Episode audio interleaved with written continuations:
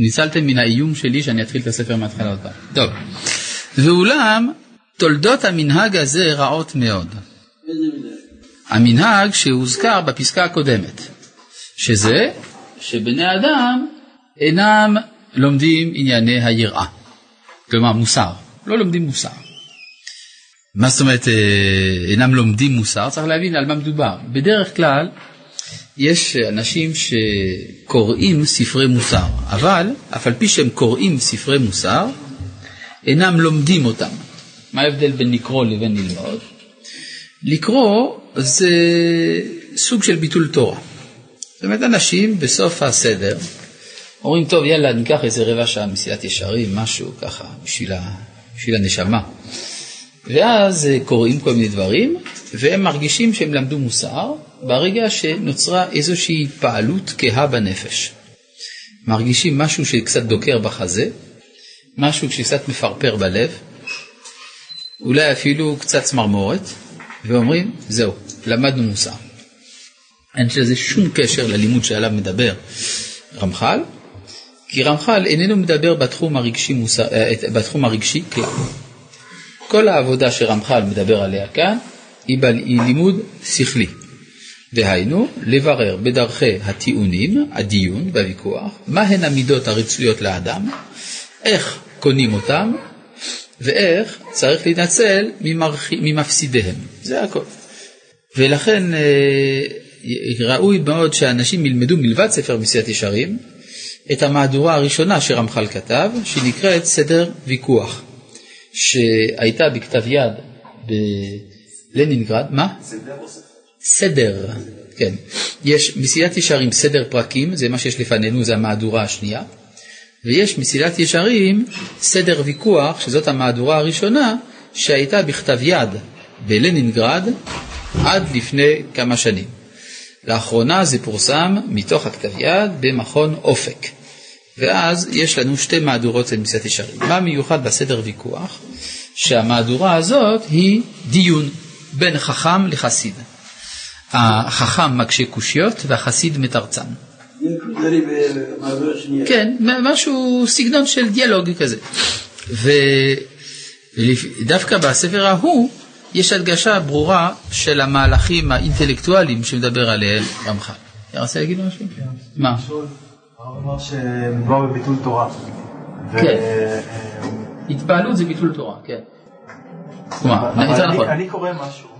כן. אני קורא משהו, והרב אמר שפעם שאין דבר כזה ביטול תורה יחסי. כן. זה לא עצם ההתפעלות, עצם הקריאה שלי היא גם לימוד תורה. לא, אני אסביר. לא, אז אני אדייק בדבריי. אני אגיד כך, לכנות התפעלות לימוד תורה, זה סוג של ביטול תורה. כלומר, אם אדם אומר, אני עכשיו מפסיק ללמוד תורה ואני רוצה להתפעל, בבקשה. אבל זה לא נקרא שלמדת, זה נקרא שהתפעלת, שזה גם דבר חשוב, בדיוק כמו שארוחת בוקר זה דבר חשוב מאוד. אף אחד לא יחשוב שארוחת בוקר היא לימוד תורה. אני לא דיברתי על זה עכשיו. אני מדבר על זה שאדם עוסק, אה, כן, אתה מתפעל מלימוד חומש. השאלה מה עשית? יש בלימוד שני זמנים. יש הזמן של ההבנה של הנאמר, וזה לא יכול להיות רגשי, ויש התולדה הרגשית, שגם לה צריך לתת זמן. מובן? אז כשאנחנו לומדים ענייני מוסר, אנחנו עסוקים בדבר שהוא חוכמה, שהוא שכל, שהוא ברור. לא איזה מין אה, דקירה ב- בלב, משהו כזה, כן, שאנשים אוהבים להרגיש. ולכן לפעמים, נגיד, יש מה שנקרא שיחת מוסר של ראש ישיבה. מכירים? יש מקומות כאלה, שיחת מוסר של ראש הישיבה. זה מלווה בכמה צעקות ובכיות, ואולי איזה בדיחה. וקצת מכים על הסטנדר. בסדר, זה נחמד בתור uh, קתרזיס. אתם יודעים מה זה קתרזיס? קתרזיס זה... מה? חוויה מזככת. זה מה שעוברים כשנמצאים, זה לפי אריסטו, זה מה שעוברים כשנמצאים בתיאטרון. כן? בתיאטרון יש איזו חוויה מזככת. איזה מין פליטה של הקליפות ש... שהצטברו בתוך הנפש. בסדר? אז אפשר גם להגיד שאנשים זקוקים לחוויה תיאטרלית מהסוג הזה. אבל לא על זה אנחנו מדברים, אנחנו מדברים על לימוד, וזה בדיוק מה שרמח"ל אומר לנו בפסקה הקודמת, שמכיוון שאנשים חושבים שהעניינים האלה הם מובנים מאליהם ואין צריך להקדיש להם כל כך הרבה בירור שכלי, אז יש פה מנהג שלא להתעסק בדברים האלה, רק אצל האנשים חסרי השכל מרבים בקריאת הספרים האלה. ואז התוצאה היא שכאשר אתה רואה אדם מתחסד, אינך יכול להימנע מלחשוב אותו לגס השכל. לא, לא גס, גס השכל.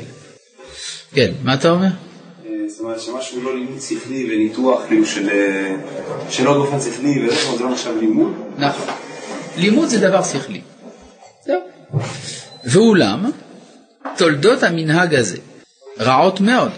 כלומר, זה שבני אדם אינם מחשיבים כלל את הלימוד הזה, כלומר, אינם חושבים שצריך להשקיע זמן, תולדות המנהג הזה רעות מאוד לחכמים ולבלתי חכמים. כי גורם שמאלה ומאלה יחסר החסידות האמיתי ויהיה יקר מאוד למצוא אותו בעולם. כלומר, חסידות פה זה לא במובן של מידת החסידות, אלא כלל תורת המוסר. זה נקרא חסידות. כי יחסר מן החכמים. למה? למיעוט עיונם בו. כלומר, הם היו יכולים לעיין, אבל הם לא מעיינים. ויחסר מן הבלתי חכמים למיעוט השגתם אותו. כלומר, הם לומדים, אבל הם לא מבינים מה שהם לומדים. יוצא שאף אחד לא יודע מהי חסידות. החכמים, הם לא חושבים שזה ביטול תורה בכלל. למה הם לא לומדים את זה? בשביל הסיבות שהזכרנו גם בשיעור הקודם וגם חזרנו עליהם בשיעור הזה. שהם חושבים שהדברים האלה מובנים מאליהם ולכן אינם דורשים עיון. כלומר, אם תשאל את החכמים האם זה חשוב אהבה, ענווה, שמחה, בוודאי זה חשוב מאוד. ואם תשאל אותם, אז למה אתם לא לומדים את זה? יגידו, זה פשוט, זה מובן מאליו. הם חושבים שההבנה הראשונה שיש להם בנפש לדבר הזה, היא כבר מספקת. לא נכון. וזה לא נכון. זה בדיוק מה שהוא אומר. עכשיו, איך אנחנו יודעים שזה לא נכון? אני אסביר למה בהמשך. כן. מה? מה? שום תכונה טבעית שנמצאת אצל האדם ללא רכישה שכלית היא פסולה? כאילו היא לא מתוקנת? לא, מה שהוא אומר זה שכדי לדעת מהן המידות הטובות צריך לימוד, זה מה שהוא אמר. המידות הטבעיות ללא לימוד הן עדיין... אז המידות הטבעיות ללא לימוד, הוא לא אמר שהן רעות. הוא רק הן בוסריות קטנות, חסרות. בסדר? עד שידמו רוב בני האדם שהחסידות תלוי באמירת מזמורים הרבה ובידויים ארוכים מאוד, צומות קשים וטבילות קרח ושלג. כלומר, אתה אומר, וואי, איזה צדיק זה, תראה כמה הוא צם. איזה צדיק זה, תראה כמה הוא מתפלל. כן? זה הכל שטויות. עכשיו, יש פה בעיה. מי דיבר על הווידויים הארוכים והטבילות אה, שלג וכולי? מי דיבר על זה? אריזל, רבנו יצחק לוריה אשכנזי. כן, לא סתם, גדול המקובלים, הוא זה שכותב על הדברים האלה. יעלה על דעתכם שרמח"ל חולק על זה? לא. ודאי שלא. אחרי שמשלימים... אלא מה? רמח"ל חושב שלא זאת ההגדרה של החסידות, אלא טבילות קרח ושלג ווידויים וכולי, זה מדרכי הכפרה. כשאדם יש לו עוונות, צריך לכפר על העוונות, אבל לא זה נקרא מידה טובה בנפש, בסדר?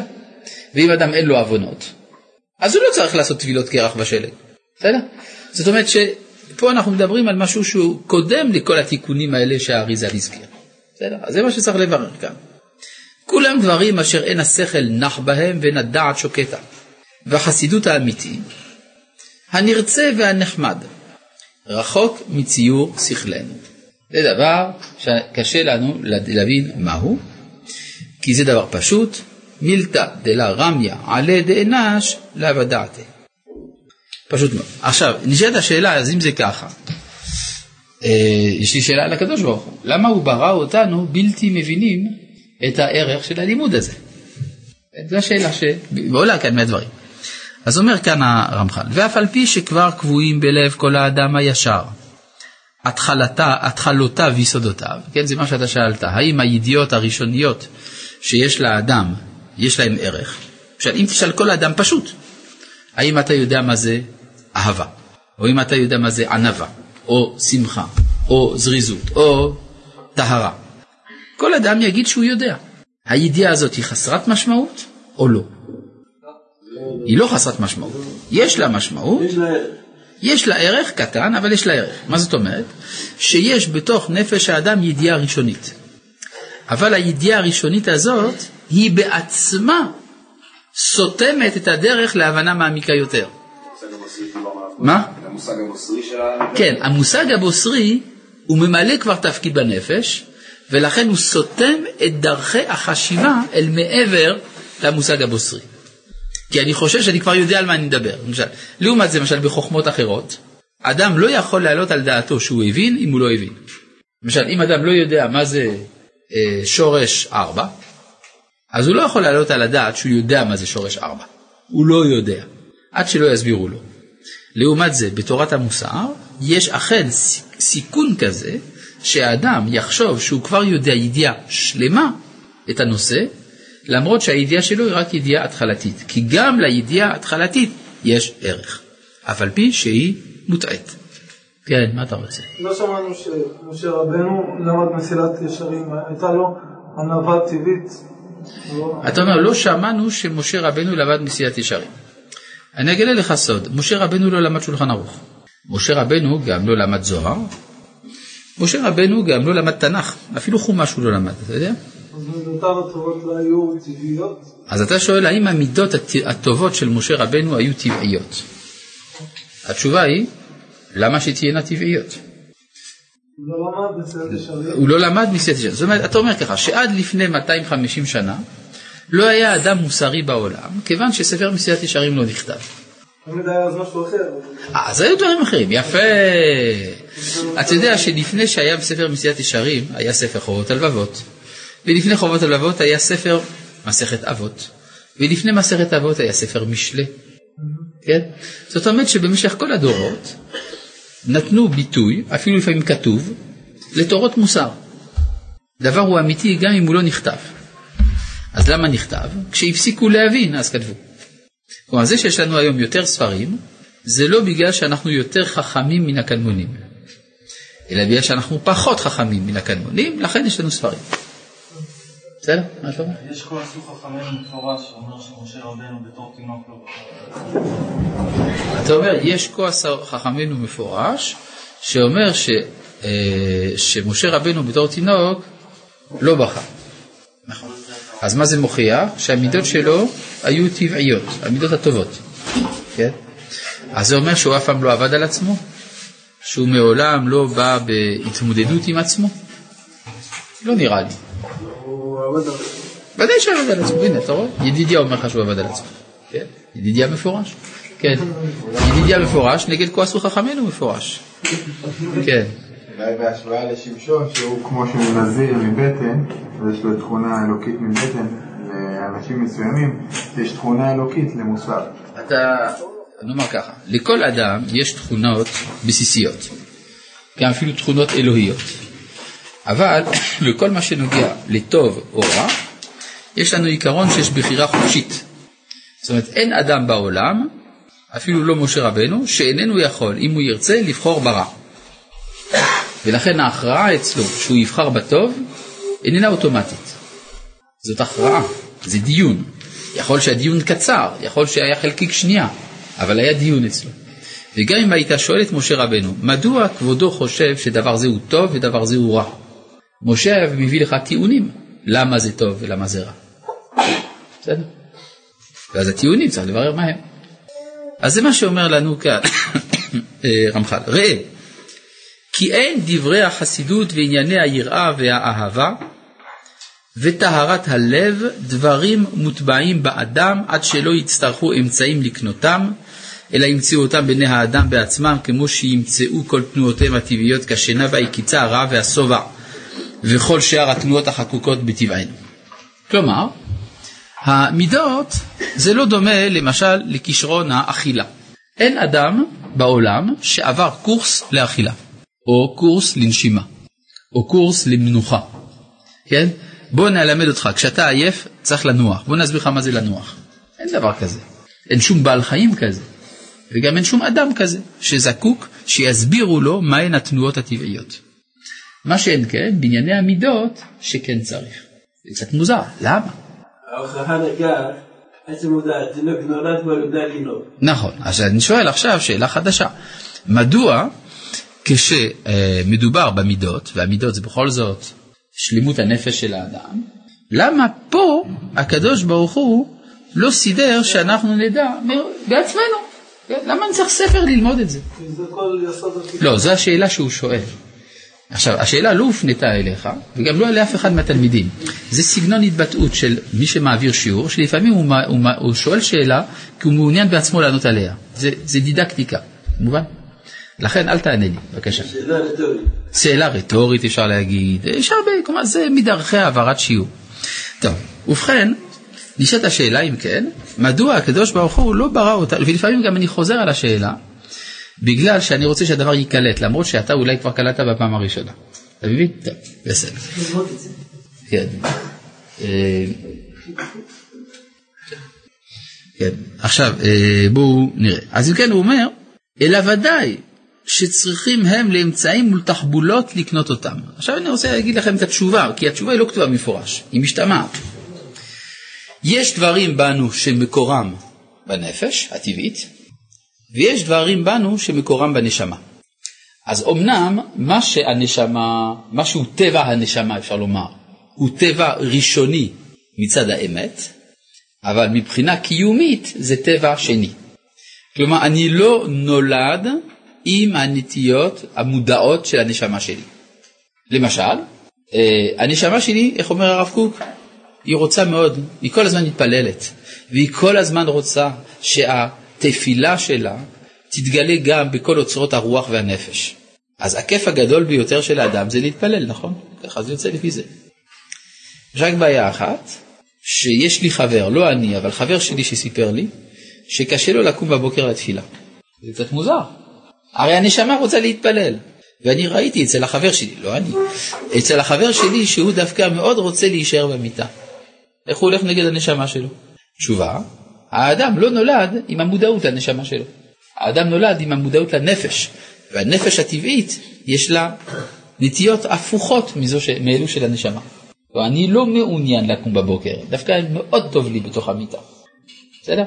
אבל מה, הנשמה שלי כל הזמן דוחקת ודופקת בדלתות, נשמת, בדלתות ליבי, ורוצה לפתוח את זה. בסדר? אז זה מה שאומר כאן הרמח"ל, אלא ודאי שצריכים הם לאמצעים מול תחבולות לקנות אותם. הוא לא מוכן להסביר מה בין הנפש לבין הנשמה. מה ההבדל בין הנפש לנשמה? הנפש זה החלק הטבעי שבי, שאומר את המילה הפשוטה אני.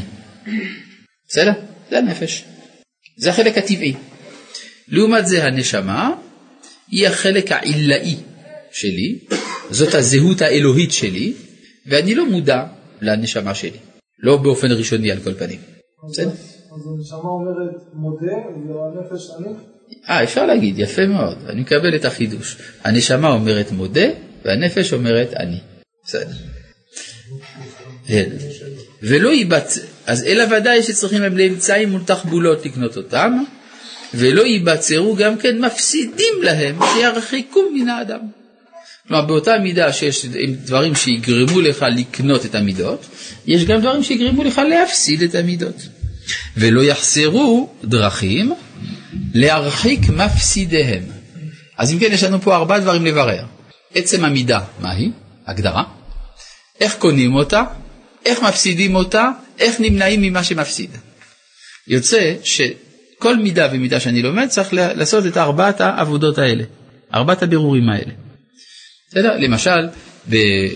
בהתחלה זה מאוד ברור, למשל יש לו אה, פרק א', סליחה, בפרק ב' זה נקרא בביאור מידת הזהירות, ג' בחלקי הזהירות, ד' דרך קניית הזהירות, פרק ה' בביאור מפסידי הזהירות והרחקה מהם. ברור? על כל מידה ומידה יש לנו, כן, כמה שלבים של בירור. עכשיו יש פה כמה שאלות ב, אה, באינטרנט. שלום לרב, האם נטיית הנפש שבי להעמיק ללמוד נח דווקא יותר מאשר מוסר או נביאים נחשב לי כלימוד, הלימוד דרך מכון מאיר. טוב, נענה כך, נראה לי שהדברים לא לגמרי ברורים בניסוח. נטיית נפש איננה לימוד. ואתה שואל אם הנטייה שלך נחשבת ללימוד, לא, נטייה זה לא לימוד. אלא מה? אתה אולי מתכוון לשאול, האם זה שאתה לומד נח זה לימוד? התשובה היא זה כן, נח זה לימוד. אני לא מבין למה נח דווקא זה יותר מאשר מוסר או נביאים, כי הנון של נח זה נביאים. אז אני לא מבין איך אפשר ללמוד נח יותר מנביאים, כי הרי הנביאים זה נח. אבל אחרי כל הבירור הזה, נראה לי שפשוט אתה שואל האם ללמוד נח זה, זה לימוד תורה, התשובה היא כן. טוב, שלום הרב, האם האדם, האם אדם שצריך לעבוד על מידותיו, מבחינת ממש לימוד מתוך הספר, האם ילמד תנ"ך ואז יראה איך נהגו אבותיו, או שיפתח בלימוד של מסילת ישרים? זאת שאלה יפה מאוד. כלומר, האם אנחנו זקוקים לספר הזה? ולא, זה, יש מלא ספרים בת, בתנ"ך שמסבירים לנו כיצד צריך להתנהג. אז זה הרמח"ל בעצמו שואל את השאלה הזאת בסוף ההקדמה. אני מציע שנגיע לסוף ההקדמה ונמצא תשובה. השאלה היא כללית, מה התועלת במסילת ישרים למי שחסר בו המידות? האם זה בא לשכנע את המשוכנעים? איך נגרום למי שחסר שיבוא ללמוד? האם רמח"ל מתמודד עם בעיה זו? תשובה, רמח"ל לא מתמודד עם הבעיה הזאת, כי רמח"ל כתב את הספר למי שמוכן לפתוח אותו. כלומר, רמח"ל לא אמר לנו מה לעשות כדי לגרום למישהו לפתוח את הספר. זה הוא לא כתב. הנשמה לא אומרת אני, הרי היא העצמיות האמיתית פנימית שלי. תשובה, מעט מאוד אנשים זוכים בכך שכשהם אומרים אני, הם מתכוונים לנשמה שלהם. זה יכול להיות, אצל משה רבנו למשל זה היה, כן? בנפש החיים מסביר את זה, שאצל משה רבנו, כשהוא אמר אני, זאת הייתה הנשמה ולא הנפש. אבל אצל כמעט כולנו, הנפש היא תופסת את המקום הגדול ביותר, המרחב המר... המרבי של האני. טוב. אבל... כן. זה קצת הכללה, הנה לגבי משה רבנו, רש"י אומנם כתוב, ונער בוכה. שמה ש? ראתה שכינה עמו. כן. טוב, אומרת, עוד משה רבנו, מספרים על עוד הרבה צדיקים, שכבר מילדותם הם היו בדרגה גבוהה, לא כמו שהוא אומר פה, שזה לא טבעי ולא... אה, אתה אומר ככה. בכל זאת, לגבי משה רבנו, מצאנו שהייתה הערה אלוהית כבר מלידה, שהרי ראתה שכינה עמו, כן? כתוב על אה, בתיה בת פרעה, שכשהיא פתחה את הטבע, היא ראתה שכינה עמו, נכון? וגם ותראה אותו כי טוב הוא, שנתמלא בבית כולו אורה, ולא עוד אלא שהוא לא רצה לנהוג מן הנוכריה. נו, אז אתה רואה שיש לו נטיות טבעיות. מספרים איזה גדול בתורה שלפני שהוא ינק הוא בודק. זה אני לא יודע. כן. אבל בוא נסביר לך משהו. כל הדברים האלה הופיעו אצל משה דווקא בשעת תינוקותו. זאת אומרת, בשעה שמשה הוא תינוק, אז אין פה שום עכבות של הבחירה המודעת, השכלית וכולי. ואז יש כל ההערות האלה. אחר כך כשהוא גדל, נהיה נער, איפה הייתה שכינה עמו? ראית? כבר ראו או לא ראו? הוא רק הייתה מצרי בשם הוויה. רגע, ראו את זה או לא? לא ראו. לא ראו, נכון? עכשיו אני אקרא יותר מזה, יש שלב שבו התחילה התלבטות אצל משה, אתה יודע מתי? יש מדרש כזה, שכאשר הוא ישב על, ה... על הברכיים של פרעה, הוא... מה? לא זוכר. אה, יש מדרש כזה שכשהוא ישב. על הברכיים של פרעה, הוא הפיל את הכתר של פרעה. פרעה נבהל, אמרו לו החרטומים וכל החבר'ה, הוא רוצה לקחת את מלכותך. פרעה אמר, בכל זאת, אולי זה סתם תינוק, מה אתם עושים מזה בעיות? אמרו, טוב, נעשה לו ניסיון. ניתן לפניו שתי קערות. קערה אחת מלאה בתכשיטי זהב, קערה אחת מלאה בגחלים. אם הוא ייקח את הזהב, סימן שהוא רוצה את מלכותך. זה היה מתוחכם מאוד מצד החרטומים. כי ברור שילד לא רוצה את הגחלים, הוא רוצה את הזהב, זה נוצץ. הביאו לפני הילד הזה את שתי הקערות, המדרש אומר שהוא רצה לקחת את הזהב. רצה לקחת את הזהב. בא גבריאל ואיתה את ידו, ואז הוא לקח גחלת. בסדר? שם בפה ומזה גמגם. טוב, עכשיו את השאלה, מה זה הסיפור הזה רצה את הזהב? זה לא נעים, מה לספר את זה, שהוא רצה את הזהב? סימן שהתחילה ההתלבטות. זאת אומרת, לפני כן, כל זמן שהבחירה איננה כל כך מודעת, אז יש הקרנה של העצמיות של משה רבנו, אחר כך יש מאבקים. והמאבקים האלה, ברוך השם, הוא ניצח. אבל אי אפשר להגיד שלא היו לו מאבקים. יעיין כבודו במאמר שלי על הנושא הזה, שנקרא, שנקרא וישלח מלאך, בחוברת גאל ישראל. וזה, לא, יכול להיות שיש בספרייה, אני חושב שבאתר שלי יש. כן? אז אתה יכול לקרוא את זה. כן, בבקשה. כמעט נכנסתי לתוך השער, הגעתי עד השער מהדברים של הרב, אבל צריך להיכנס להסביר קטן למשה. אז איפה הוא למד בעצם בשביל להגיע למה שהגיע, הוא גדל בבית פרעה. אה, איך, איך משה הגיע למה שהגיע? זה נושא גדול מאוד. הוא למד משלושה מקורות לפחות.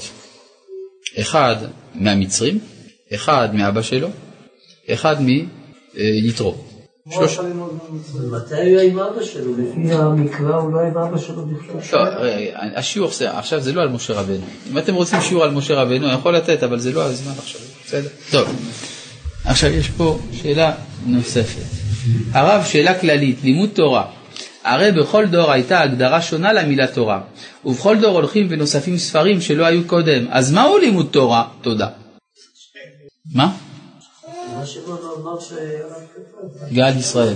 וישלח מלאך. וישלח מלאך. כן. אז אה, מה אתם אומרים על השאלה הזאת? השואל שואל מה זה לימוד תורה בכלל. מה? אתה אומר זאת שאלה לגיטימית, למה? כי אני עומד להגיד שאני לא אענה על השאלה הזאת. אז תסביר לי למה היא לגיטימית. כי כל כך הרבה ספרים זה מבלבל. לא, אני שואל, אתה יודע מתי שאלה היא לגיטימית? כשהיא קשורה לשיעור. השאלה הזאת, עם כל חשיבותה, אינה קשורה לשיעור, לכן היא לא תזכה להתייחסות. עם כל הכבוד. טוב. עד הפרישות זה מה שכל אדם חייב, ואדם שקורא שיש עוד מדרגות אחרי הפרישות, זה מאוד רחוק ממנו, מייאש אותו. מה אפשר לעשות כדי לא להתייאש מזה? בנוסף, איך אפשר שהמדרגות הגבוהות יאירו גם במדרגות הנמוכות? א', אין ייאוש בעולם. כלל ב', כדי להבין על מה מדובר, אנחנו צריכים קודם כל לקרוא את ההקדמה. אחרי שנסיים את לימוד ההקדמה, כל השאלות, כמעט כל השאלות שנשאלות פה, אני חושב שתיפתרנה מעצמן. טוב, אז בואו נמשיך בדברי אה, רמח"ל. אם כן, איפה? איך לא יצטרך להוציא זמן על העיון הזה, לדעת אמיתת הדברים ולדעת הדרך לקנותם ולקיימן? מאין תבוא החוכמה הזאת בלב האדם אם לא יבקשנה? וכיוון, כן. לפני שעצרנו לכל השאלות. אמרתי שיש ארבעה נושאים שצריך לברר לגבי כל מידה, כן? הגדרת המידה, איך קונים אותה, מה מפסיד אותה, איך מתרחקים מהמפסיד. הרמח"ל נכנס גם ארבע פרקים לכל מידה. לא אמרתי שהוא יכנס ארבע פרקים, אבל הפרקים מסודרים באופן כזה, פחות או יותר. לא, לא מקביל בדיוק. כן, נכון. כבוד הרב, נדמה שיש אמרה בהקשר של שיפור מידותיו של כל אדם. כל אחד יכול, כל אחד יכול להיות כמו משה. הרי משה רבנו נולד עם מידותיו. האמרה שכל אחד יכול להיות כמו משה מקורה ברמב"ם בהלכות תשובה, וזאת אמרה שבהחלט חולקת על ההנחה שמשה נולד עם מידותיו. בסדר? מה אני יכול לעשות? רמב"ם מפורש. וגם לרמב"ם קראו משה. יפה.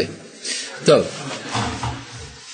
וכיוון שכבר התעמד אצל כל חכם צורך תמימות העבודה וחובת טהרתה וניקיונה, שזולת אלה אינה נרצית ודאי כלל, אלא נמאסת ומתועבת, כי כל לבבות דורש השם וכל יצר מחשבות הוא מבין. כלומר, אתה תקיים כל המצוות שבתורה, אבל במידות רעות, אז מה זה, מה זה יועיל? מה נענה ביום תוכחה אם התרשלנו מן העיון הזה והנחנו דבר שהוא כל כך מוטל עלינו שהוא עיקר מה השם אלוהינו שואל מעמנו. כן? שימו לב שכאן הטיעון כאן ביד הלימוד הוא טיעון, טיעון אה, נמוך. מה תעשה כשאתה תעמוד ביום תוכחה? אה? אלא יש ברמח"ל, במסילת ישרים, יש פסקאות שמכוונות לחכמים ויש פסקאות שמכוונות להמון. הפסקה הקודמת מכוונת לחכמים והפסקה הזאת, המילים האלה לפחות, להמון. יש לך חובה, אז מה תעשה כשידונו אותך, אה? בסדר. זה צורך פדגוגי, כלומר רמח"ל הוא מדבר לכל הרמות. הייתכן, מה? זה בלי הפרדה, זה לא יוצר איזשהו קונפליקט ללומד? לא, זה, יש פה הפרדה. הנה, אתה רואה שהוא התחיל עם הטיעון הראשון, אחר כך הביא את הטיעון השני. שמעתי ש... הסיבה שהוא כתב אה, ככה, בגלל שהייתה עליו ביקורת בקהילה שבה הוא השתכן בגרמניה. על זה שהוא כותב יותר ספרי קבלה והוא יותר מדי... אה, זה קשור לעניין. זה שהוא כותב אה, בשפה גם להמון, כדי ש... לא, זה לא קשור לנושא. הייתכן, אה, כן, הייתכן שיגע ויעמול שכלנו בחקירות אשר לא נתחייבנו בם, בפלפולים אשר לא יצא לנו שום פרי מהם, ודינים אשר אינם שייכים לנו. ומה שחייבים לנו לבורנו חובה רבה, נעזהו להרגל ונניחהו למצוות אנשים מלומדה. למשל, כשלומדים גמרא, לומדים כל מיני סיטואציות רחוקות מאוד מן המעשה. כן, למשל, אה, מה יעשה אדם שבאמצע הקרבת הקורבן שלו, בין הזריקה, של, בין קבלת הדם לזריקת הדם על גבי המזבח, בבוהן השמאלית שלו נגעה לטאה מתה, שאז הוא נטמע בשרץ. אז מה הוא יעשה עכשיו עם הדם? אה? בעיה, הוא טמא, איך הוא יכול לזרוק? לא. מה יהיה עם הקורבן? האם הוא צריך להביא עכשיו בהמה אחרת? או שמא נאמר שעצם השחיטה או קבלת הדם זה כבר עשה את הריצוי, או כל זמן שלא הייתה זריקת דמים זה לא מועיל. ועכשיו, מה הוא יעשה עם הכלי? עכשיו הוא צריך לצאת מהמקדש, כי הרי הוא טמא. האם הוא ירוץ עם הדם החוצה, או שיניח את הדם על הרצפה? כי הרי אם הוא יצא עם הדם החוצה אז הוא יוצא מן הקודשים לחוץ, שזה כשלעצמו חמור מאוד. מצד שני, אם הוא יוצא מעל הרצפה זה כאילו זריקה. האם הזריקה הזאת לא תהיה אסורה כי נעשתה זריקה בטומאה? אה? שאלה טובה. אפשר לכתוב על זה מאמר שלם. אני לא אמרתי שזאת לא שאלה חשובה, רק היא שאלה שסביר מאוד שכמעט אף אחד פה לא ייתקל בה הלכה למעשה. כן, מה אתה אומר? בבקשה. של צומות ארוכים, טבילות, קרח ושלג, התפקיד שלהם רק, כפרה, או שמה יש להם גם איזה קצת משהו בעלת... אתה צודק, אתה צודק. קצת להגברה, כן. או שזה רק כפרה. אתה שואל ככה, האם כל הדברים שלמדנו פה על טבילות קרח ושלג זה רק כפרה, או שיש לזה גם תפקיד של זיכוך? יכול להיות גם תפקיד. כאילו של העלאת הלימוד. כן, כן, של העלאת הלימוד. יש גם תפקיד כזה, אבל הוא לא העיקר. עכשיו, אם כן, אז מה שאומר כאן, אני חוזר פה לדברים, הייתכן שיגע ויעמול שכלנו בחקירות אשר לא נתחייבנו בם, בפלפולים אשר לא יצא לנו שום פרי מהם, ודינים אשר אינם שייכים לנו.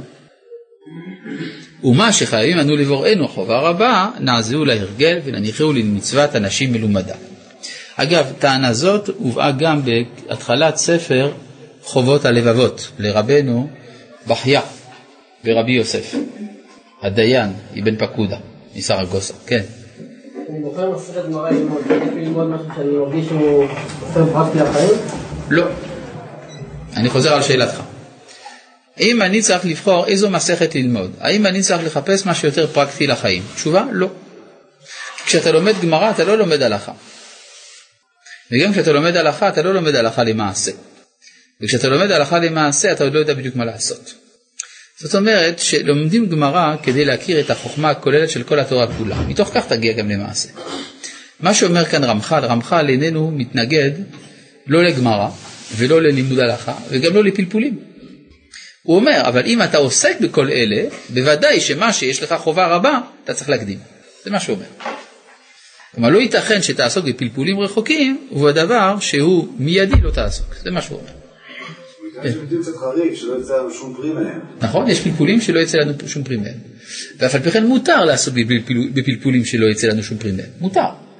רק שזה לא העיקר. בסדר? יכול להיות שפה גם uh, התקפה מסוימת נגד סוג מסוים של פלפולים בהחלט. כן. Uh, ומה שחייבים לנו לבורנו חובה, תראה, יש uh, בפני יהושע, אחד מספרי הפלפול החשובים כלל, יש בהקדמה, אני חושב, יש דיון מה זה מילתא דבדיחותא. אז הוא אומר, מילתא דבדיחותא זה, זה פלפול, זה פלפול שאינו לאמיתה של תורה. אומר, מילתא דבדיחותא זה פלפול שאינו לאמיתה של תורה. אז יוצא לפי זה שיש לך ספרים עם הרבה מילתא דבדיחותא. כרכים שלמים. כן. טוב, אם לא נסתכלנו ולא עיינו מהי היראה האמיתית ומה ענפיה, איך נקנה אותה, ואיך נמלט מן ההבל העולמי המשכח אותה מלבנו. הלא תשכח ותלך, אף על פי שידענו חובתה. האהבה, כמו כן, אם לא נשתדל לקבוע אותה בלבבנו בכוח כל האמצעים המגיעים אותנו לזה, איך, נמצא, איך נמצאיה בנו?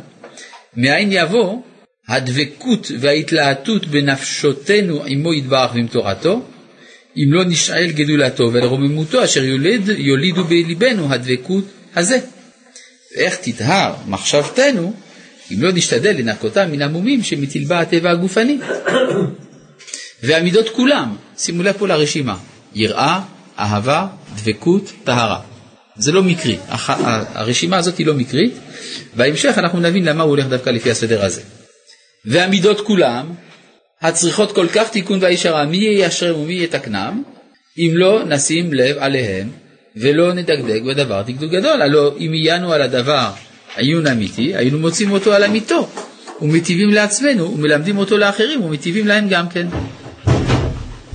הוא מה שאמר שלמה. עכשיו כל מה שהוא אמר עד עכשיו מסתכם בדברי שלמה המלך.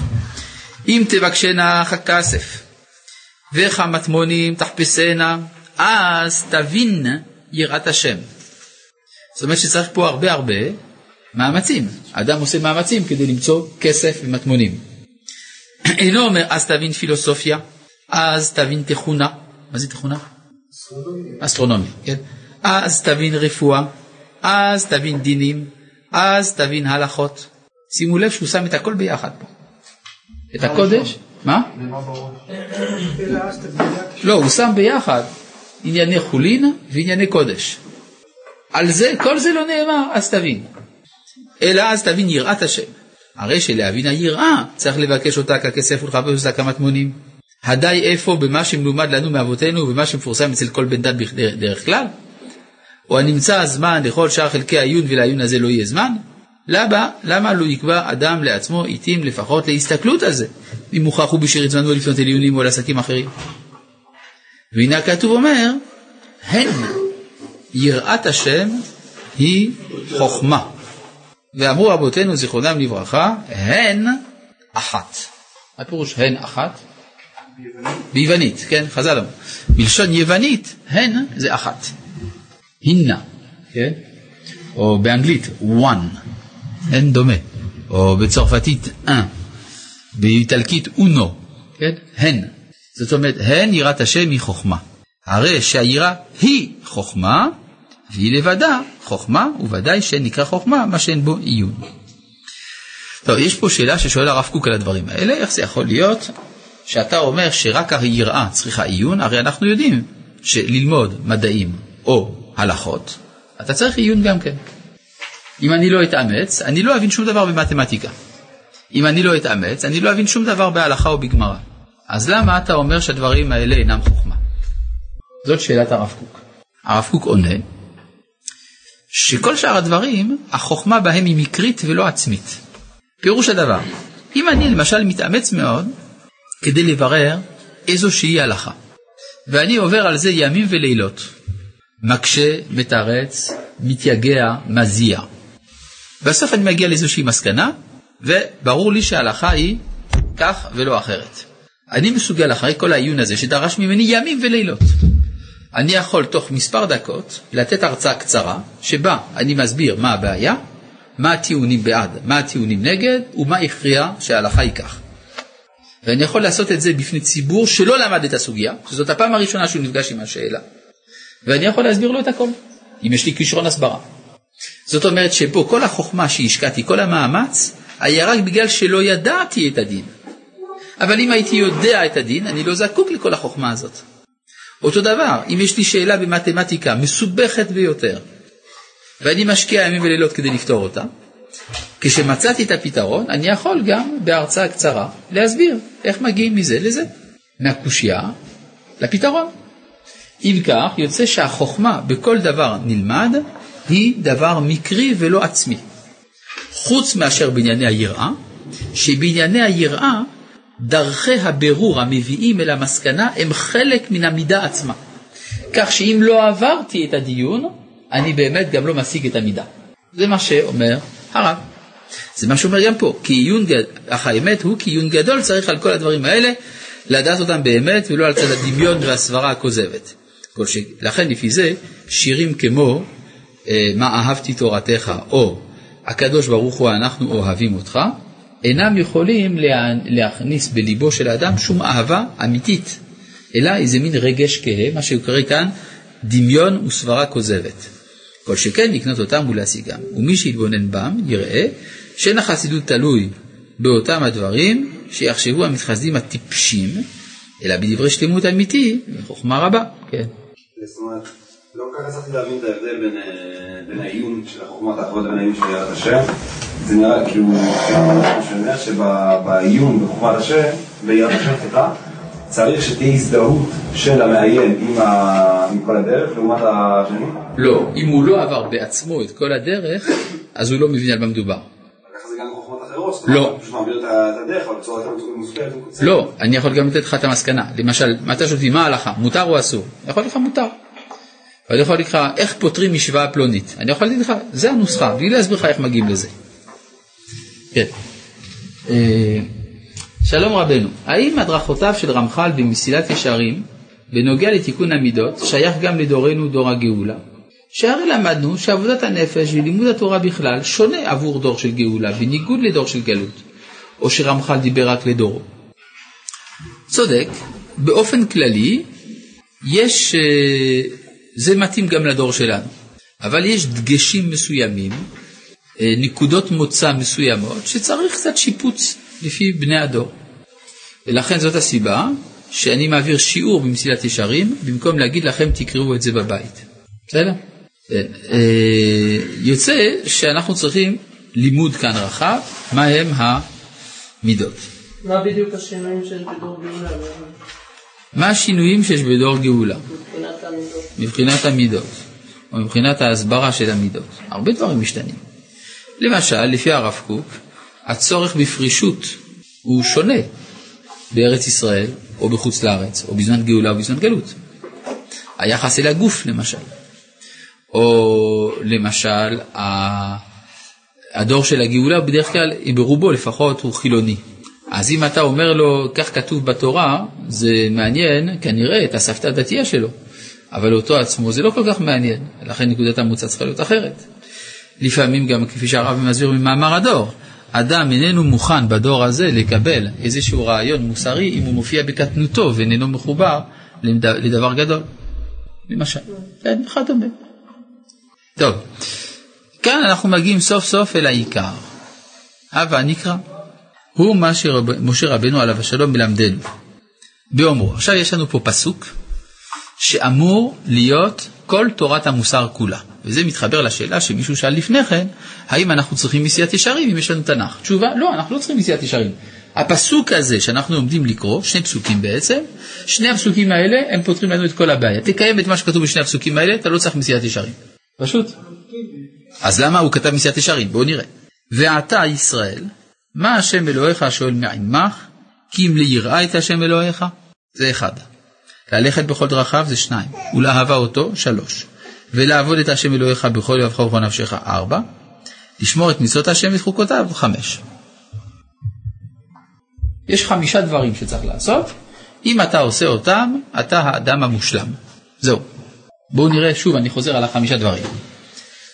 מה השם אלוהיך שואל ממך, כי אם ליראה את השם אלוהיך, ללכת בכל דרכיו, ולאהבה אותו, ולעבוד את השם אלוהיך בכל ובכל נפשך, לשמור את מצוות השם ואת חוקותיו. חמישה דברים. עשית את זה, אתה סגור. ואז יוצא שבשבילך לימוד מסילת ישרים יהיה ביטול תורה. אז למה הוא כתב אותו? כן? טוב, אנחנו נראה עוד מעט. כאן כלל כל חלקי שלמות העבודה הנרצית לשמו יתברך, והם, הנה, הוא אפילו מסכם לנו, היראה, ההליכה בדרכיו, האהבה, שלמות הלב ושמירת כל המצוות. עכשיו נשאלת השאלה, באיזה חלקים מתוך החמישה עוסק ספר מסילת ישרים? בכל הארבעה הראשונים ולא בחמישי. שמירת המצוות, קיום המצוות, יש לזה ספר אחר, קוראים לו שולחן ערוך. אז אם כן, מסילת ישרים כבר צמצם את העיסוק, הוא עוסק רק בארבעה חלקים הראשונים, יראה הליכה בדרכיו, שלמות הלב, אהבה ושלמות הלב, בסדר? טוב, בואו נראה על מה הוא מדבר. היראה, עכשיו אם אנחנו נלמד טוב את העמוד הזה, גם כן לא נצטרך את כל מסילת ישרים. כלומר, זה קצת, זה פיתוח של הפסוק. היראה הוא, היא יראת רוממותו יתברך, שירא מלפניו כמי שירא מלפני מלך גדול ונורא ויבוש מגדולתו. על כל תנועה שהוא בא לתנועיה, כל שכן בדברו לפניו בתפילה ובעוסקו בתורתו. אז יראת הרוממות, מה היא לא? מה היא לא? יראת הרוממות, יראת היראה פה, מה היא לא? היא לא יראת העונש, בסדר? גם לא יראת הסמכות, מה שנקרא יראת חטא, אלא היראה שעליה דיבר משה זה יראת הרוממות. מה ההבדל בין בין יראת חטא ליראת... יראת חטא הכוונה שאני ירא מהסמכות. כתוב שזה אסור, אז אני לא עושה. זה יראת חטא. מה? יראת העונש, אמרו לי שאם אני עושה שורפים אותי. גם זה לא. בסדר? שים לב, שפה. זה לא? לא. לא. יראת חטא, מה שעשי, יראת הסמכות, זה שאדם מקבל באופן טבעי סמכות. מה? יבוש זה לא מלשון שאני מתבייש מן החטא, אלא יש לי בושה במובן של אה, אה, יראה טבעית, אפשר לומר. כן. הוא מפחד מהמתח שייווצר אם הוא יערער על הסמכות, וזה בשבילו עונש. יכול להיות, אתה יכול להגיד שזה גם זה סוג של עונש, אבל יש עונש במובן יותר פשוט. אמרו לו מחלות, גיהינם, דברים כאלה, בסדר? אז אה, זה לא היראה, יראה שמדובר עליה כאן היא יראת הרוממות, על זה דיבר משה רבנו. בסדר? ההליכה בדרכיו, אגב, יש פה שאלה, מה זה, אה, מה השם אלוהיך שואל מעמך? כן, חז"ל כבר שאלו את זה. מה משה אומר את זה בצורה של אה, זלזול? מה כבר ביקשו ממך? יראה. מה זה מה כבר ביקשו מזה? דבר גדול, לא? עטו יראה מילתא זוטרתי היא, וכי יראה היא דבר קטן. והגמרא עונה, אין, גבי משה מילתא זוטרתי. עבור משה זה היה דבר קטן. כלומר, משה כנראה לא הבין שיש בכלל קושי ביראה.